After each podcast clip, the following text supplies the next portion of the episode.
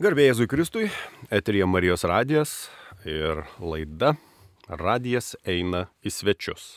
Kaip žinia, po šventų kalėdų bažnyčia švenčia šventosios šeimos šventę.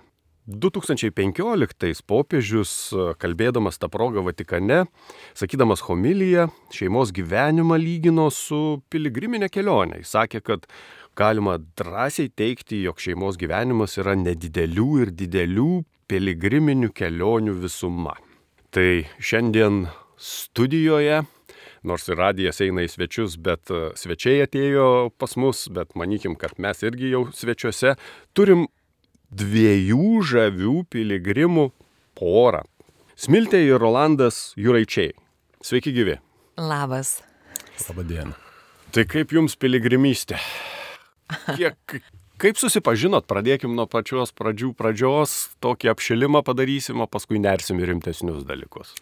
Man taip žinai nejauku, kaip tu pasakai, kadangi turim džiaugsmą ir garbę būti čia dėl to, kad švesim šventosios šeimos, e, žodžiu, šventę ir tikrai mes taip toli nuo to atrodo, žinai, tokie esam paprasti piligrimai, tokie klystantis, griūvantis, besikeliantis ir taip toliau. Bet labai vis tiek gera ir labai ačiū, kad esam čia Marijos radijuje. Mes susipažinom prieš kokį 17, 16, 17 metų. Tokiom įdomiom, be jokios abejonės aplinkybėm. Manau, kad Dievas buvo įdėjęs čia savo kokį tai pirštą ar, ar, ar viešpaties vedimas buvo, dėl to, kad a, tuo metu buvo tikrai sudėtingos įvairiausios aplinkybės, bet mano gyvenime tuo metu buvo labai daug maldos. Mm, tuo metu aš bendravau, mano dvasinis tėvas buvo kunigas Kestutis Rugevičius ir, ir kaip vaista nuo visų bėdų jis visą kas siūlė maldą. Ir sako, žinai, jeigu tu pabandytum, o jeigu tu rožinį kalbėtum, nu atrastum laiko, tai, tai rožinis yra tokia stipri malda, kad, žinok, sako, jisai išveda iš tamsiausių kelių ir klyst keliu, tai Ir aš tuo metu kalbėjau rožinį kiekvieną dieną, tuo metu dirbau um, ne Kaune ir važinėdavau daug ir kalbėjau rožinį. Ir aš galvoju, kad kartu su rožinio malda vat, mūsų pažintis atsidūrė ten, kur atsidūrė ir, ir gavosi taip, kaip gavosi. Tai prieš 17 metų susipažinom darbiniai situacijai, kas pavirto va, tokiu nedarbiniu piligriminiu projektu vadinamu šeima. Gražiai pasakėt, atsidūrėt, kur atsidūrėt. Rolandai, kur jūs atsidūrėt?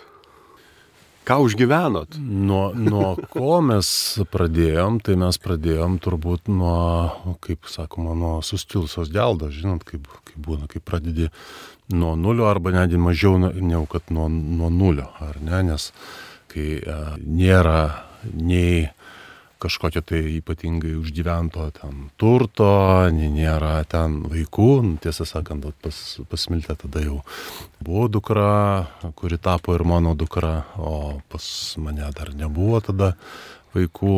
Tai jeigu taip kalbėtų apie tą užgyvenimą, ko gero vaikai bus užgyvenimas, o ne tas vienintelis turtas, kuris ateina aišku, be santykių tarpusavio, nes tai aš jį laikau labai labai dideliu turtu, tai būtų vaikai, kurie vėlgi tas vadinamas turtas laikinas, ar ne, nu, nes nors jų yra dabar jau visumoje keturi, bet, nu ką, jie užauga ir išeina. Vadinasi, vienintelis dalykas, į ką gali taip ir orientuotis, tai į jų kaip į žmonių paleidimą, tiek įmanoma tokį geresnį paleidimą į gyvenimą, užaudinimą ir paleidimą. O toliau santykiai, manau, tarpusavio santykių puoselėjimas. Va čia tai, ką verta, manau, investuoti visada ir, ir kas beivyktų, visada prisiminti, kad na, projektai arba tos piligriminės kelionės, jeigu jas taip galima būtų pavadinti, jos prasideda ir, ir, ir baigėsi, bet jeigu tu nori turėti bent jau vieną ilgą projektą, tai turi pastoviai investuoti. Kažkada mes kalbėdami vienoj konferencijoje apie, apie santykius, apie tėvystę daugiau, mes buvom radę tokią iš tikrųjų mums gan artimą pasirodę paralelę, kad iš tikrųjų poros santykiai yra pats ilgiausias gyvenimo projektas. Nes tuo met, kai tu esi tėtis, mama, be jokios abejonės visą gyvenimą būsi, bet tas laikas, kai tu esi labai reikalingas tėtis mama, kai gyveni kartu su vaikais, jis yra gan trumpas. Projektas pora, vyras ir žmona, jisai tęsiasi daug ilgesnį laiką. Todėl mums atrodo, kad visos investicijos į santykius tarpusavio, jos labai vertingos ir reikalingos, nes tas projektas tęsiasi daug ilgiau, net ir vaikams išėjus iš namų. Tai man atrodo iš tikrųjų tas kasdieninis santykių puoselėjimas, toks apsitvarkymas, apsišlavimas ir vėl kažkaip tai, na, ieškojimas prisiminti tuos dalykus, dėl kurių mes kažkada susipažinom, dėl kurių įsimylėjom, dėl kurių mums yra brangus tie santykiai, kasdieninis darbas. Prisiminiau motinos Teresės žodžius. Jinai yra pasakiusi, kad kalėdos nutinka kiekvieną kartą, kai nutili, kad išklausytum kitą. Šeimoje tai aktualu turbūt. Labai, labai. A, apskritai įsiklausimas vienas į kitą ir čia įsiklausimas ta tokia plačiaja prasme, kad tai ne tik tai klausyti, bet ir girdėti, ką sako, girdėti ir ką sako, girdėti ir ko nepasako, klausyti tarp eilučių, ar ne? Tai manau, kad vienas iš tokių vat, pagrindinių, galbūt taip sakyti, įgūdžių arba poreikių, kurių, su kurio susiduria kiekviena šeima. Ir aš manau, kad čia mes šitame kelyje dar esam tik tai, tik tai kažkokioje tai pradžioje nes kiekviena, kiekvienais metais mes darom tam tikrus tokius aptarimus, jeigu taip kalbėti apie apibendrinimo metų. E, jo, tokį metų apibendrinimą, tai, tai, tai, tai tęsiasi tokia kaip, kaip ritualas, kaip, kaip tradicija. Ir ten yra visa eilė tam tikrų dalykų, mes tenais ir kiekvienas atskirai surašom didžiausius metų įvykius, paskui apjungiam juos į bendrą, pasižiūrim, kas kam suskambėjo širdį, kokie dalykai kuriam atrodė prasmingesnė, negu kad kitam ir pagal tai sužinai, kas jam svarbu. Po to yra tam tikri momentai, kur mes rašom, dėkoju. už ką dėkoju ir ko prašau. Už ką dėkoju savo antrai pusiai ir ko prašau iš jos, už ką dėkoju savo ir ko prašau iš savęs kitiem metam. Tokiu būdu labai gerai gali išgirsti, o kas tam žmogui svarbu buvo nes rutinoje, kurioje mes pastestam, bėgdami tarp darbų, vaikų, vaikų mokyklų, įvairių visuomeninių įsipareigojimų, labai dažnai įsuka į tam tikrą tokį sukūrį, kur tu nespėjai gerai išklausyti arba išgirsti, arba išgirsti to, vat, kas svarbu kitam žmogui tarp eilučių. Tai tas laikotarpis tarp Kalėdų ir Naujųjų metų, mums visada yra tam tikras sustojimo laikotarpis, kada mes darom ir apibendrinimą ir turim galimybę labai gerai vienas į kitą įsiklausyti. Mes tai vadinam sielų susiderinimas. Vat kaip reikia. Tarsi gitaras suderinti, kad, kad, nu, kad skambėtų. skambėtų, žinai, tai vat suderinam tą instrumentą. Galbūt ir reikėtų dažniau, bet, nu, dažniau ne, mums nesigauna. Tai vat laikas tarp kalėdų ir naujųjų, toks vat metų uždarimas ir tarpusavėje pasikalbėjimas, nes iš tikrųjų kartais išgirsti labai įdomių dalykų, nes tai, kas vienam yra labai didelis dalykas, už ką noriu padėkoti, kitas net nustemba, tikrai tau tai buvo svarbu. Tai va tas mm, komunikacija, aš galvoju, kad yra nepaprastai svarbi. Kuomet mes susipažinom, iš tikrųjų šiaip mėgstama būdų mokytis ir, ir, ir dalyvauti mokymuose, ir seminaruose, ir konferencijose, ir, ir vyras pats tuo dalyku užsiema ir, ir veda mokymus, mes kartu labai daug mokėmės įvairiausių dalykų. Ir, ir vienas iš, manau, kad receptų, kuris mums padeda toliau puoselėti santykius, kad mes domime panašiais dalykais ir, pavyzdžiui, mokėmės, ar tokia coachingo mokymai, mokymas išgirsti, užduoti klausimus, prakalbinti, susikalbėti. Ir kai tai darėm kartu, iš tikrųjų tai labai labai išmokė mus ir vienam kitą išgirsti. Ir, ir klausimą teisingą paklausti, ir atverti kitą savo klausimais. Tai man atrodo, kad ir tai dar padeda mums Taip. toliau libdyti ir statyti tą kasdieninį rūmą šeimos, nu, va, bendri m, dalykai.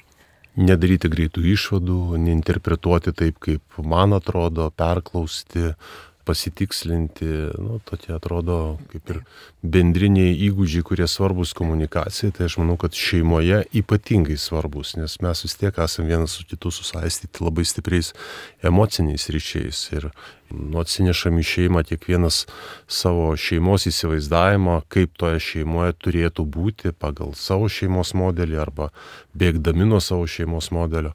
Taip kad vat, kol tas šeimos modelis nėra suderintas, tai tikrai, kad reikia labai daug dėti nu, tų pastangų, taip kad aptarti, apkalbėti. Aš apskritai pagalvojau, ar nėra klaida manyti, apie šeimą, nes taip, sakykime, ir populiariojoje, ir viešojoje erdvėje dažniausiai, kai kalbama apie šeimą, tokie stereotipai prasimuša laiminga šeima, nelaiminga šeima ir panašiai, tarsi šeima a priori gali būti laiminga ar nelaiminga. Bet mano galvo šeima yra nuolatinis kūrimas, tai yra dinamika, nestatinis dalykas, tai yra dinaminis dalykas, tu turi dirbti ties tuo kasdien, kiekvieną minutę. Bet kreipkim dėmesį į dabarties laikus, ar ne? Nes čia gal net ir tam tikra tasa to, ką, ką pasakiau klausimo. Ta šeimininė laimė daugelis įsivaizduoja kaip tokį ramų, užtikrintą gyvenimo be rūpešių, ar ne? Bet, bet jeigu prisimintume šventosios šeimos istoriją Naujajam testamente, tas jų gyvenimas anaip tol nebuvo nei ramus, nei užtikrintas. Ir, ir tiesą pasakius, ir dabartiniai laikai tokie yra nugyvenom, nevardinsim negerumų, sakykim, šven, švenčių išvakarėse, bet gyvenom neramiais laikais. Kaip tai atsiliepia į jūsų šeimos bendrabuvį? Iš tikrųjų, labai, kaip tu, tu ir paminėjai, iššūkių šiandieninėme pasaulyje. Tam, kad išlaikyti šeimos instituciją, tą šeimos bažnyčią, yra labai, labai daug tų iššūkių ir tikrai nėra paprasta. Tai vėlgi, kas man atrodo mūsų šeimoje padeda, tai nuolatinė tarpusavio komunikacija ir bendravimas ir, ir mes visada aptariam klausimus, nu, va, kažkas įvyko visuomenėje, kažkokie procesai vyksta, įstatymai, tarimai ir mes visada kalbamės, o, o koks, yra, koks yra tavo matymas, kokia yra tavo nuomonė, o mano, o kaip tai mūsų šeimą gali paveikti, įtakoti. Ir vienintelis, nu, va, toks kalbi. Ir būna nuomonės išsiskiria, bet mes turim tą tokį privalomą sąlygą bet kokiam pokalbyje, tai yra pagarba, tarpusavio pagarba. Ir net tuomet, kai nuomonės nesutampa, va, perleidi per pagarbos filtrą, išfiltruoji visą tai, kas lieka filtre, visos nuosėdos ir tada toliau bendrauji. Tai nėra paprasta, nėra paprasta šiais laikais auginti vaikus, nėra paprasta atsakinėti klausimus, bet nežinau kaip Rolandas galvoja, aš manau, kad malda, bendra malda, yra pagrindiniai klyjei, kurie lipdo mus kaip šeima šiuo laikiniam labai nepaprastam pasaulyje. Ir visi tie klausimai, kurie mus sulipina, aš galvoju, kad nu, tai yra atsakymas, kuris padeda eiti tais kalnais ir, ir nuokalnėm, ir vaikus auginti. Galų gale, nu, mes turim Bibliją, mes turim receptų knygą, kur visi receptai yra parašyti, kaip gyventi, kaip vaikus auginti, kur link eiti. Tai, tai irgi tam tikras, aš sakyčiau, yra pasimatavimas, o kiek tai, kas vyksta, kiek tai atliepia Biblijoje esančias tiesas, kiek tai neprieštarauja pagrindiniam pamatui dešimčiai Dievo įsakymų, kiek tai neprieštarauja tom tiesom, na, nu, tikrai tai yra tie receptai, per kurių, na, tą filtrą ir, ir, ir filtruojam tikriausiai viską, bet kad nėra paprasta, tai faktas. Aš tai ir pritarčiau, ir papildyčiau dar netgi, kad Jausmas yra toks, kad šiandienis pasaulis stengiasi šeimą išskirti, ne apjungti, o išskirti. Nes praktiškai vertybės, kurios yra deklaruojamos ir viešai vos nepopuliarinimos, kad pats svarbiausias tai esi tu. Tu esi pats svarbiausias, visa kita turi šokinėti aplink tave. Tai reiškia, kad jeigu tavo partneris tau neįtinka, tai vadinasi, mes Keisk ieškok partnerį. kitą, ieškok kitą. Jeigu tau vaikai netinka, tai, nu, palik vaikus, nes, nu, malonumas ir patenkinimas savo poreikių yra statomas vos ne į pačią pirminę vietą. Tai tokioje aplinkoje ir būti kartu ir tuo pačiu auginti vaikus panašioje sampratoje, kad na, šeima turėtų būti ta bazė, į kurią tu visada, visada galėsi atsispirti, kuri tau visada priduos tam tikro saugumo, kada, kuri tau priduos visada tokio vertybinio sustiprinimo, kada tau bus sunku į kažką tai atsiremti. Tai va tokios va, idėjos puoselėjimas vaikų tarpe tampa vos ne vienas iš pagrindinių dalykų. Ir taip tą padaryti be a, aukštesnio tikėjimo, tikėjimo, kad virš viso šito dalyko yra e, Dievas, kuris, taip sakant, ir, ir tvarko mūsų gyvenimus ir į kurį praktiškai gali atsispirti netgi tada, kada nėra šeimoje palaikymo, tai priduoda dar pagrindinės tokios kaip e, stiprybės. Taigi eterija Marijos radijas radijas yra išėjęs į svečius. Na, kalbinu, aš valdas Kilpys, kalbinu Smiltę ir Rolandą Juraičius. Šnekam apie rimtus dalykus, apie šeimą. Prieš tai klausimo atsakymę aš išgirdau, galbūt teisingai išgirdau, o jeigu nepaneikit, ar nėra taip, kad visgi svarbiausias dalykas dabarties žmogui ir šeimos žmogui ir apskritai žmogui yra tas atsakomybės klausimas, o ką jūs, Rolandai, sakėt, ar ne, kad jeigu centre stovi tu, tai atsakomybė kito atžvilgių tokia kaip ir truputėlį išskysta, o, o, o, o jeigu centre stovi Dievas arba, arba tiesiog atsakomybė, kaip tą atsakomybę, kur jos gaut? Žinau, toks keistas klausimas, bet kur jos gaut? Mm, Galvoju, koks čia galėtų būti tas to, teisingas mm, atsakymas. Turint galvoje, kad atsi, teisingų atsakymų turbūt iš viso nėra, ne? Pagalvosiu, kas man būtų teisingas. Kaip jūs e, savyje išūkdėt atsakomybę tada, va gal taip? Oi, tai atsakomybės, tai dar čia matyti tos Labai geras klausimas, būtent būtų labai toli. Labai geras klausimas. Aš tai galvoju, kad e, būtent Rolandas yra iš tų žmonių, kur jam atsakomybė yra, nu, nu jeigu ne ant aukščiausio, tai ant aukštesnių piedestalo vietų. Tai aš tai tik tai mokausi. Bet um, apskritai visas vertybinis pagrindas ir atsakomybė tame tarpe yra nepaprastai svarbu, kai tu augini vaikus ir kai tu galvoji, o tai kaip paprastais būdais, paprastais žodžiais paaiškinti, kodėl reikia daryti vieną ar kitą dalyką. Ir daryti būtent taip.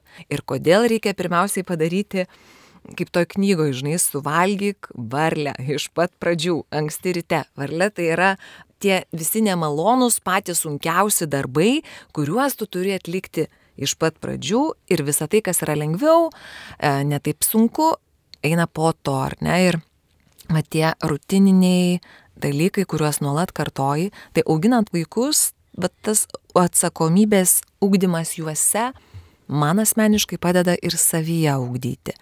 Bet, e, bet čia tikriausiai mm, vieniems labiau duota, kitiems mažiau. Aš visą laiką, mano irgi matas pagrindinis tai yra nu, šeima ir vaikai ir mano atsakomybė prieš juos. Mes turim projektą vaikai ir užauginti juos atsakingais, sažiningais, dorai žmonėmis. Tai bet kuris tiek labai nedidelis darbas, tiek labai didelis, jisai reikalauja nu- nuoseklumo, ypač auginant vaikus. Tai pagrindinė mūsų kaip tėvų atsakomybė išlaikyti tą nuoseklumą. Kitas dalykas, kiek tai yra įmanoma patiems būti pavyzdžių. Nes vaikas visada nu, gali užduot, adresuoti tą klausimą. O kodėl tu man sakai, kad reikia iš ryto eiti pabėgioti ant tą kelio bėgimo, jeigu pats to nedarai? Ne? Čia mūsų vienas naminis ritualas. e, Rolandas iš ryto žadina vaikus ir juos um, ragina eiti bėgioti ant bėgimo takelio.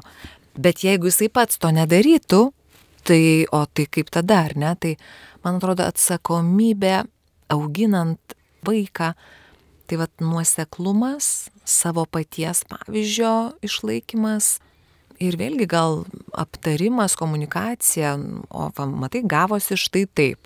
Kaip galvoji, jeigu tu būtum pasielgęs kitaip, gal rezultatas būtų buvęs kitoks. Tai va šitas gal. Man atsakomybė tai visada yra apie atgalinį ryšį. Ar tu esi pasiruošęs priimti atsakymą? Va tu elgiesi taip, koks bus atsakymas? Atsakymas iš aplinkos. Nes savo veiksmais mes sukeliam tam tikrą tokią kaip ir bangą, ne, darom poveikį. Ne. Jeigu mes darom poveikį, tai ateina ir atgalinis ryšys. Tai ar aš esu pasiruošęs prisimti, priimti rezultatus, kuriuos aš iššaukiu savo veiksmais. Ar tai būtų kalba, ar tai būtų konkretus labai nu, kažkoks tai nu, fizinis dalykas, ar ne?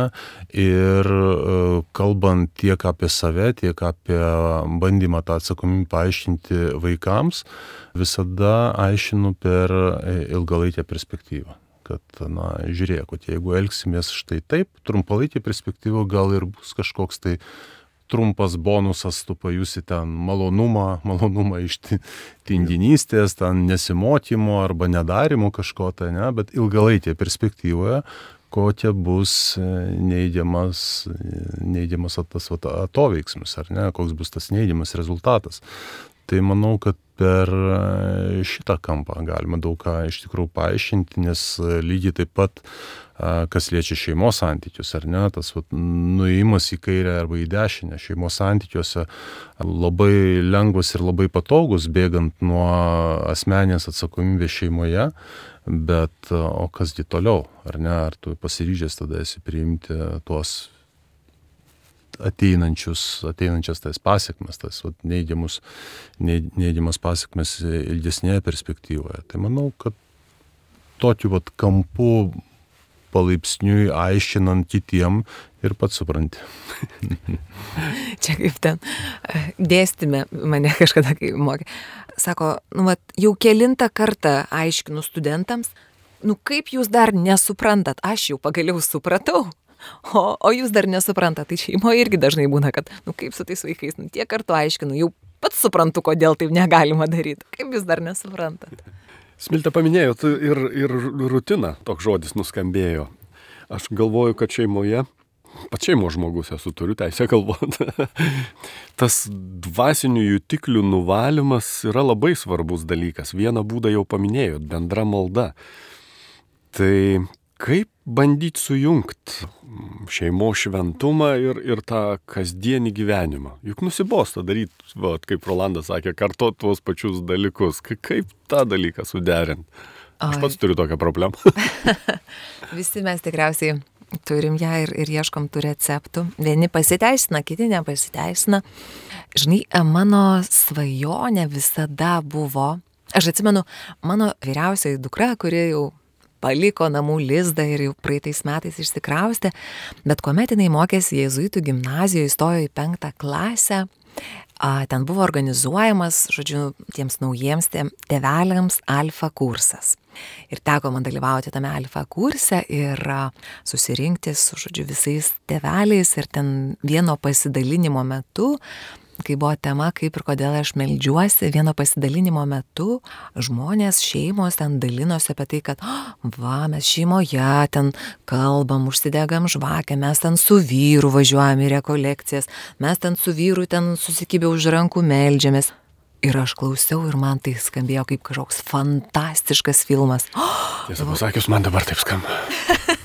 tai žinok, man tada ir galvo, wow, bet tai kaip aš norėčiau, tuo metu nebuvo dar, mes nebuvome dar tame, nors mes jau kartu turėjom mūsų sūnų Teodorą, jam buvo gal pusmetis ir galvoju, bet tai kaip aš norėčiau, kad mes kartu eitumėm į bažnyčią sekmadieniais. Ne tik aš, bet ir, ir Rolandas. Bet galvoju, bet, o tai kaip dabar čia man pasakyti, nu galvoju, jau, jau būtų per dėm gal paprašyti, kad vakarais mes melstumėmės, gal.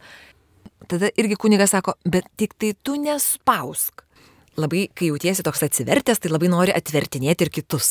Jau čia į tą šviesą, eikit žmonės, aš jums dabar pasakysiu, kaip... Aš žinau, kaip iš tiesų yra. Taip, ir jūs nežinot, jūs... Tai, tik, jis mane iš karto perspėjo ir tą mano entuzijazmą truputėlį prisuko. Sako, žinai, tik tai tu nieko neversk. Žinai, ką, tu, jeigu tu to nori, tu melskis, nes tu gali daryti įtaką tik taip pat savo, kitam žmogui įtakos ar spaudimo neverta daryti.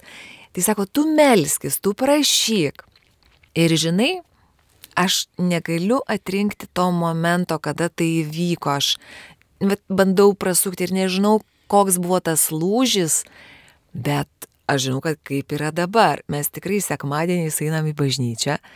Jau vaikai, kai pradėjo po trupučiuką kalbėti, mes turim tą vakarinį mūsų ritualą, vakarinę šeimos maldą kai dar vaikai visai buvo mažulėliai, tai aišku, jinai nebuvo tokia labai rami, tyli ir labai ten šventas tas laikas visoks ir su pabėgiojimais ir patrepsėjimais, bet dabar klausimų nekyla, nes mes, nu kaip ir, nu, ne, nepaliekam galimybės rinktis, tiesiog yra vakarinės maldos laikas ir visi, nu kaip turi ateiti ir tai mes paskaitom mažą gabalėlį iš, vis dar skaitom iš tikrųjų nors vaikai jau paugėja, bet vaikų Biblija, mažą gabalėlį iš vaikų Biblijos, tada sakom tėvė mūsų, sveika Marija, garbė Dievui tėvui.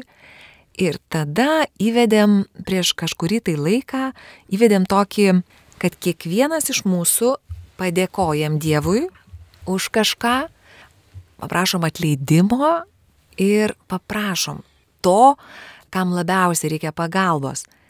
Ir tokiu būdu mes kaip tėvai sužinom labai daug dalykų, už ką vaikas dėkoja viešpačiui. Ir kartais dėkoja už labai tokius paprastus dalykus, kur tu net nepagalvoji, kad jam tai buvo svarbu, už ką jisai atsiprašo ir, ir kokių dalykų kam prašo. Ir žinai, taip įdomu, vienas mūsų sunus, 12 metų dabar jam, ir jisai kiekvieną vakarą maldos metu, jisai sako, ir padėk Ukrainai laimėti karą. Ir mes ne, niekada negalvojom, kad jam tai yra tiek svarbu, kad jį tai tiek liečia ir kad nu, jis tiesiog integravęs į savo vakarinę maldą a, yra tas dalyk, um, tokį prašymą. Tai man asmeniškai šeimos mūsų vakarinė malda yra iš tikrųjų, iš tikrųjų šeimos narių tam tikras sielų susiderinimas.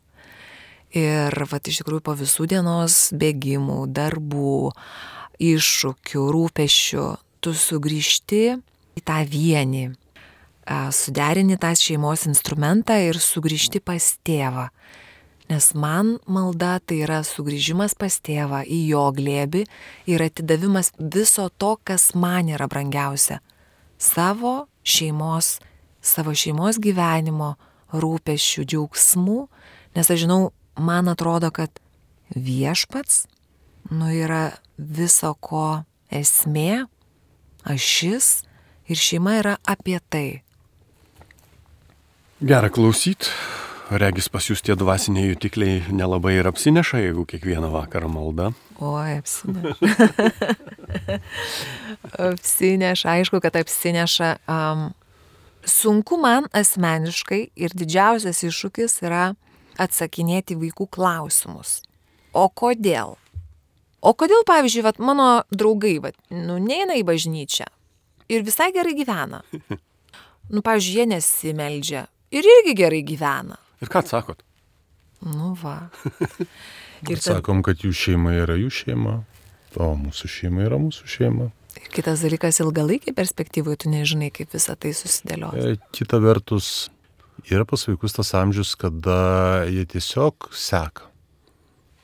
Pradėjai kažkokį tai ritualą, jeigu darai, tas ritualas tampa vos ne jų saugumo garantų, nes kuo daugiau tos rutinos yra, tuo jie saugesni jaučiasi. Net jeigu kartais prieš tai ir prieš džiniauja, ir prieštarauja, bet vis tiek, kai tai išlaikai, jie jaučiasi patys saugesni.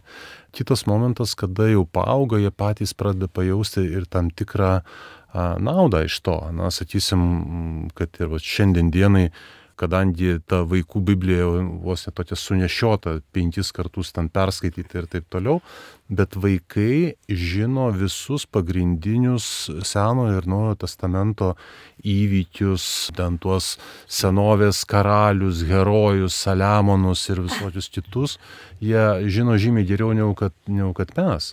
Ir kai jie kartais kažkokioj tai ar pamokoje, ar ten istorijos, ar tikybos pamokoje pasakoja arba kalba ir, ir tai jiems duoda tam tikro tokio pasitikėjimo savimi, kad, o, aš tai žinau šitą dalyką, arba aš galiu netgi mokytojui papasakot, kad ten buvo toksai tai karalius ten.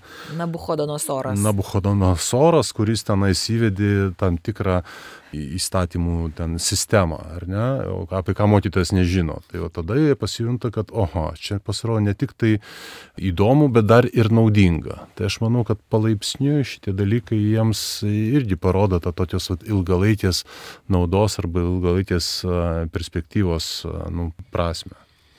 Apskritai yra ir psichologijoje teorija, ir, ir, ir, ir šiaip gyvenimas nekarta man asmeniškai įrodė, kad jeigu ilgai ir nuolat tą patį kartoji, tai kas nepatinka vaikams, galiausiai jie vis tiek pasirenka tai.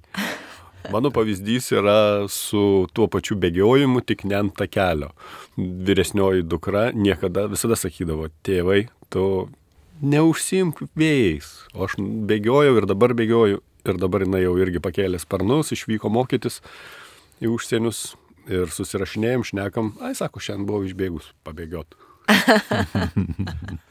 Aš galvoju, kad iš tikrųjų tas, vat, e, pavy, tu pats darai kažkokią tai veiklą, nežinau, turi savo, nežinau, rutinas, ritualus, e, vaikai vis tiek stebi ir žiūri ir, ir, ir, ir kažkiek tai kopijuoja. Nu, turbūt keiščiausias dalykas, kada e, tėtė sako, vaikeli, tu nerūkyk ir tuo pačiu išsitrautęs pučia dūmą štai. Kad jau prakalbom apie tokius pusiau gyvenimiškos psichologijos klausimus, man pačiam rūpinės dažnai apie tai pagalvoju. Žiūrėkit, tokios pasaulietinės, čia pasaulietiniai reikalai psichologijos ir egzistuoja dvi teorijos. Viena teorija sako, kad graži, laiminga, nu ir visokia kokia pati pačiausia šeima a, nutinka, randasi tada, kada susitinka du skirtingi žmonės. Nu, vienas koks nors iš techninės pusės labai gerai gaudosi, kita kokia nors menininkė arba priešingai, nu čia nesvarbu. Tai va čia yra pirma teorija. Antra teorija sako, kad laiminga šeima yra tuo met, kada susitinka absoliučiai panašų žmonės. Nu, tarkim, turiu pavyzdį labai gražios šeimos, kai puikiai drauge gyvena, auklėja vaikus du aktoriai. Ir, ir irgi teorija. Tai du klausimai. Pirmas klausimas, kokia yra jūsų šeima, o antras klausimas, e, kas geriau? Aš tai turiu atsakymą, nes man nei viena iš tų teorijų netrodo, kad jinai yra teisinga. Tikiu. Nes uh, mano gilių įsivaizdavimų, netgi tokio įsitikinimų, įsitikinimą perinančių dalykų, tai yra tai, kad jeigu vienas kitą žmonės gerbė, vienas kitų pasitikė ir jeigu jie turi bendrą tikslą, tai jie gali puikiai būti ta sėkminga ir laiminga šeima. Nes ir tie apibrėžimai, tas sėkminga, o ką tai reiškia ta sėkminga šeima? Ja? Man labai patinka vienas įvardinimas, kad kas yra sėkmė. Tai gebėjimas nuo vienos nesėkmės eiti prie kitos sėkmės, nenuleidžiant galvos ir nepamentant entuzijazmo. O laimė kas yra tiesiog sugebėjimas džiaugtis tuo, ką sugebėjai pasiekti. Tai ar įmanoma būti pastoviai sėkmingam? Nu ne. Įmanoma būti pastoviai laimingam? Irgi ne. Nes, nu, turbūt tada nepajustum, kas yra ta laimė. Ne? Man atrodo. Mhm. mhm. Tai, tai, tai, tai pabaigiant, man atrodo, kad tos, va, taip priešybės traukia, panašus dalykai, jie padeda geriau vienas kitą suprasti bet esmė ko gero ne čia, ne, ne, ne, ne priešybėse ir nepanašume, o gebėjome leisti kitam būti savimi, bet tuo pačiu turėti bendrą tikslą, vardum kurio man gera su tuo žmogum judėti link to tikslo. Man patinka, kad yra dalykų, kurie mūsų abu domina vienodai. Ir aš galvoju, kad tos ne tai, kad panašumai, bet tiesiog veiklos, kurios domina mane ir domina mano sutuoktinį, kai jų yra, nu, tai irgi jungia, mes galim dalintis, mes galim diskutuoti. Um, tai man tas patinka, tai duoda tokio bendrystės jausmo. Mes, aš galvoju, esam labai skirtingi. Kažkuriuose vietose. Nu, pavyzdžiui, man prastai sekasi matematika. Net savo septintokui vengiu atsakinėti į su matematika susijusius klausimus, nes tuomet jisai suprastų, kad nežinau, kaip ta mama baigė mokyklą ir baigė dešimtukais. Ne jūs viena. Bet pavyzdžiui, Rolandas yra puikus tame ir jisai yra nuoseklus ir jisai matematikas ir visa tai, kas su skaičiais man skaičiai patinka tik banko sąskaitoj, o, o jam visur tie skaičiai patinka. tai yra skirtingi. Aš esu labai gal emocionali, vėlgi, Rolandui lygiai taip pat patinka, pavyzdžiui, bendrato žmonėm. Tai yra skirtumų, bet yra daug dalykų, kurie jungia. Ir man labai gera pajausti va, tą bendrystę. Aš, pavyzdžiui, esu žmogus, kuris labai nemėgsta um, ginčių, nu net debatai, man atrodo. Aš visą laiką galvoju, kodėl tie žmonės pykstasi. Tai aš, um, jeigu... Man labai patinka diskutuoti, labai patinka argumentuoti, labai patinka debatai, dėrybos, tai yra tai, dėl ko aš tiesiog gerai jaučiuosi. Bet pavyzdžiui, jeigu būtų Taip. daug, daugiau klausimų tarpusavyje, kur iškiltų uh, nu, vat, skirtingas požiūris ir jeigu jisai yra aštrus labai, man liūdintų tai mane. Tai tų skirtumų yra, bet vėlgi uh, Rolandas moka puikiai išklausyti ir, ir nugesinti tuos gaisrelius kažkokius. Tai... Manau, čia ir yra tas at, pagarbos ir pasitikėjimo klausimas, nes nu, mes turbūt per kiekvienus rinkimus visada balsuojam skirtingai. Taip bet tai mums netrukdo labai labai normaliai sutarti ir mylėti vienas kitą, nes aš gerbiu jos pasirinkimą. Man įdomu, ką jinai galvoja, ką jinai uh, masto, kodėl jinai taip galvoja, bet lygiai taip pat aš turiu savo nuomonę to klausimu. Taip kad uh, tai galbūt man netgi dar geriau padeda apmastyti savo pasirinkimus bet jokiais būdais nenustelbti kito žmogaus ar nesakyti, kad darai kažką blogai. Ne? Vat yra dalykai, dėl kurių reikia sutarti. Nu, sakysime, dešimt dievų įsakymų. Ne? Įstatymų. Viskas. O toj vietoje, jeigu sutarėm, tai visi kiti dalykai yra iš tikrųjų smulkmenos.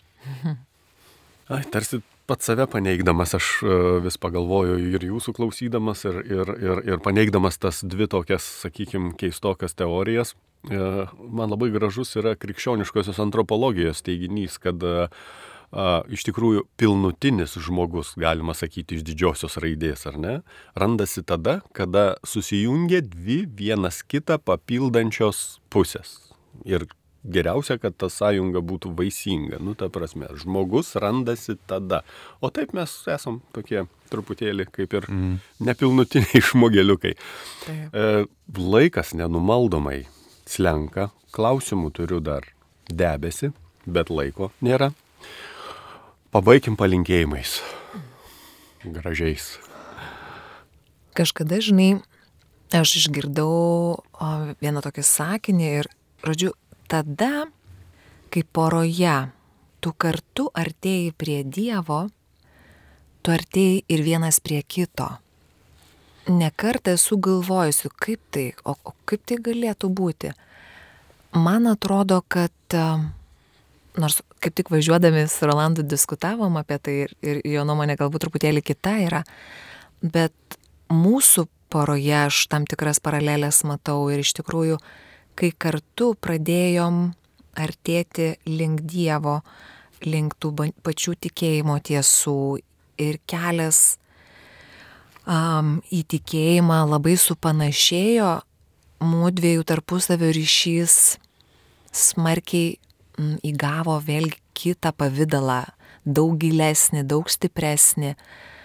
Tai aš galvoju, ypatingai šitame pasaulyje, į šeimos gyvenimą labai svarbu integruoti maldą. Ir tas posakis, kad kai Dievas pirmoji vietoj, viskas savo vietoj tai gal nepaleisti šitos minties ir iškilus sunkumams perleisti per tą pagrindinį matą, ar ne, su pagarba, su pasitikėjimu, su meile, su Dievo pagalba spręsti ir judėti toliau. Tai visiems to palinkėčiau ir labai labai gražių ateinančių naujųjų. Aš iš savo pusės galėčiau taip įvardinti, kad mes gyvenam fantastiškame laikotarpyje. nežiūrint į visas pandemijas ir į visus karus, kurie visiškai šalia yra. Ačiū Dievui, kad tiesiogiai karas nepalėtė mūsų šalies, bet kažkokia prasme jisai leido visiems suprasti, kas yra svarbiausia. Nes kai mes susidurėm su labai didelėmis, stipriomis a, blogio jėgomis, skaras turbūt viena iš tokių didžiausių blogio jėgų yra, mes labai turim gerą galimybę stipriai permastyti, o kas aš esu, kas man yra svarbu, kokios, man yra, kokios yra mano vertybės. Ir mano palinkėjimas tai būtų tikrai pagalvoti visiems ir kiekvienam, o kokios yra mano vertybės. Ir jeigu šalia yra kitas žmogus, tai pasistengti sužinoti, kurios iš tų vertybių jungia mus, kad mes galėtume kartu puoselėti jas. Ir padaryti tai tiesiog apjungiant jas, galvojant, ką galėčiau vienas dėl kito padaryti, kaip galėčiau labiau išlaikyti ir sustiprinti savo vertybės. Tai manau, kad palinkėjimas būtų aiškinkimės, žinokime ir stiprinkime savo vertybės. Kągi, nieko prasmingesnio daugiau nepasakysi. Primenu tik, kad klausotės Marijos radijo. Laida Radijas eina į svečius ir šiandien Radijas svečiavosi pas Smiltę ir Rolandą Juraičius. Laidą vedžiau aš Valdas Kilpys. Su Dievu ir nepraraskim pasitikėjimo šeimą. Su Dievu. Ačiū labai.